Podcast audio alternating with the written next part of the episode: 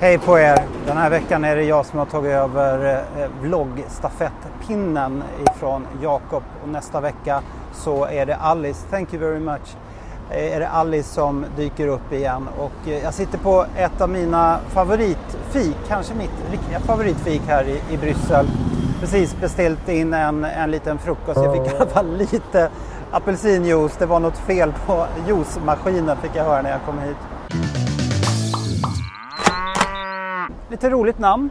Alkemisten, det är kanske precis det vi behöver just nu. Någon form av alkemi. Ni vet det där som skulle kunna förvandla alla de problem, alla de kriser, de utmaningar som vi har runt omkring oss nu till eh, möjligheter, framgångar och, och verkligen just att förstå att alla de här kriserna vi har hänger ihop och därmed också att vi behöver förändra samhället i, i grunden. Bryssel är en sån här typisk storstad med massor av bilar, asfalt, vägar. Eh, givetvis mycket hus också, många hus, stora hus. Men inte speciellt mycket plats över för naturen, grönområden och parker.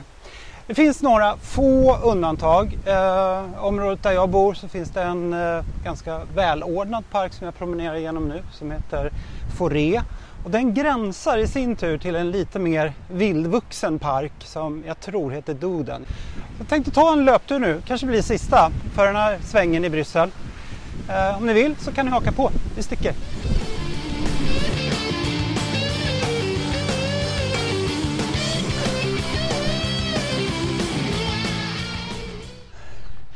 Fantastisk utsikt härifrån, det är alltid svårt att filma, det är alltid svårt att springa också, prata också när man har sprungit. Det är alltid svårt att prata när man har sprungit men det är en fantastisk fin utsikt härifrån.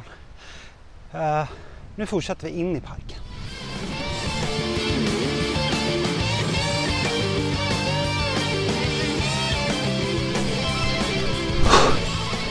Det här med att springa det har blivit mer och mer viktigt för mig ju, ju äldre jag har blivit. Uh, när, jag, när jag var ung då gjorde jag allt för att slippa löpträningarna med fotbollslaget och sådär. Ni kan kolla med mina gamla fotbollskompisar om det.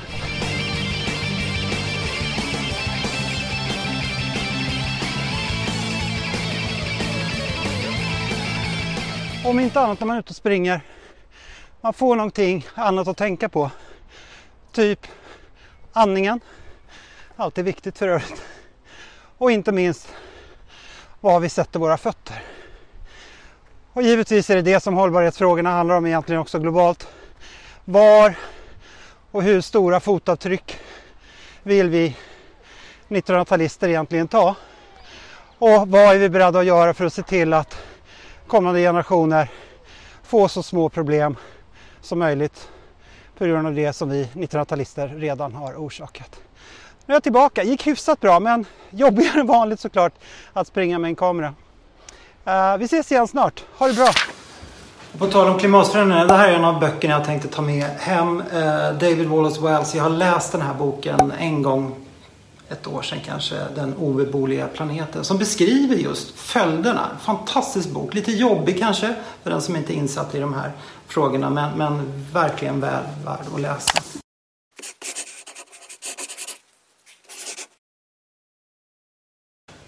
Ja, sen ska det ner en massa kläder såklart i väskan också. Jag måste köra ett par tvättmaskiner först senare i veckan så att jag har rena kläder att peta ner.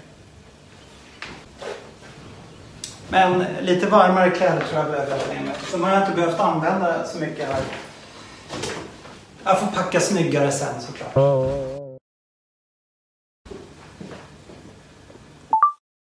Klimatet blir varmare. Det pågår en global uppvärmning. Men bara för den sakens skull behöver det ju inte vara extremvärme och temperaturrekord varje dag. Idag är det verkligen inte det.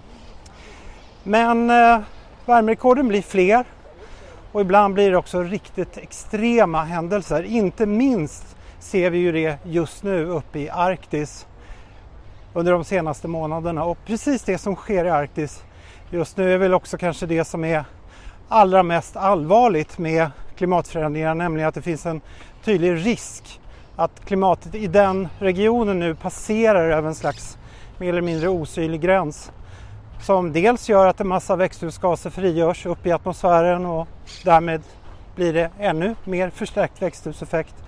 Och inte minst nu under resten av juli, augusti, en bit in i september så ska det bli väldigt intressant att se vad som händer med havsisen uppe i Arktis. Det blir nog den här sommarens stora klimatrysare skulle jag tro. Den lär jag nog återkomma till på många olika sätt. Ja, det här är ju sista riktiga veckan med omröstningar och, och möten och diskussioner, debatter här i den här stora salen. Det kommer såklart omröstningarna till största del ske på distans precis som vi har fått göra de senaste månaderna. Någonting som kan glädja mig mycket det är att det är fler och fler politiska områden som klimat och hållbarhetsfrågorna kommer in i. Och det här är någonting som jag verkligen har kämpat för under mitt första år här i parlamentet. Och det är verkligen akut. Eh, så sent som idag så kom det ytterligare nya siffror som visar att de senaste 12 månaderna på denna planet har varit 1,39 grader över det förindustriella i genomsnitt. Vi är alltså så gott som uppe i 1,4 grader nu. Och så är vi då på pappret överens om att hålla den globala uppvärmningen under 1,5 grader. Då är det mycket, mycket, mycket mer vi måste göra. Vi måste kämpa på. Och eh, det kommer jag verkligen att fortsätta göra efter sommaruppehållet, precis som jag har gjort det här första året. Det här är min första vlogg. Nu kommer Alice ta över stafettpinnen efter mig och sen Jakob och sen kommer jag tillbaka igen om två, tre veckor då. Men då är jag hemma i Sverige igen. Ha det bra så länge.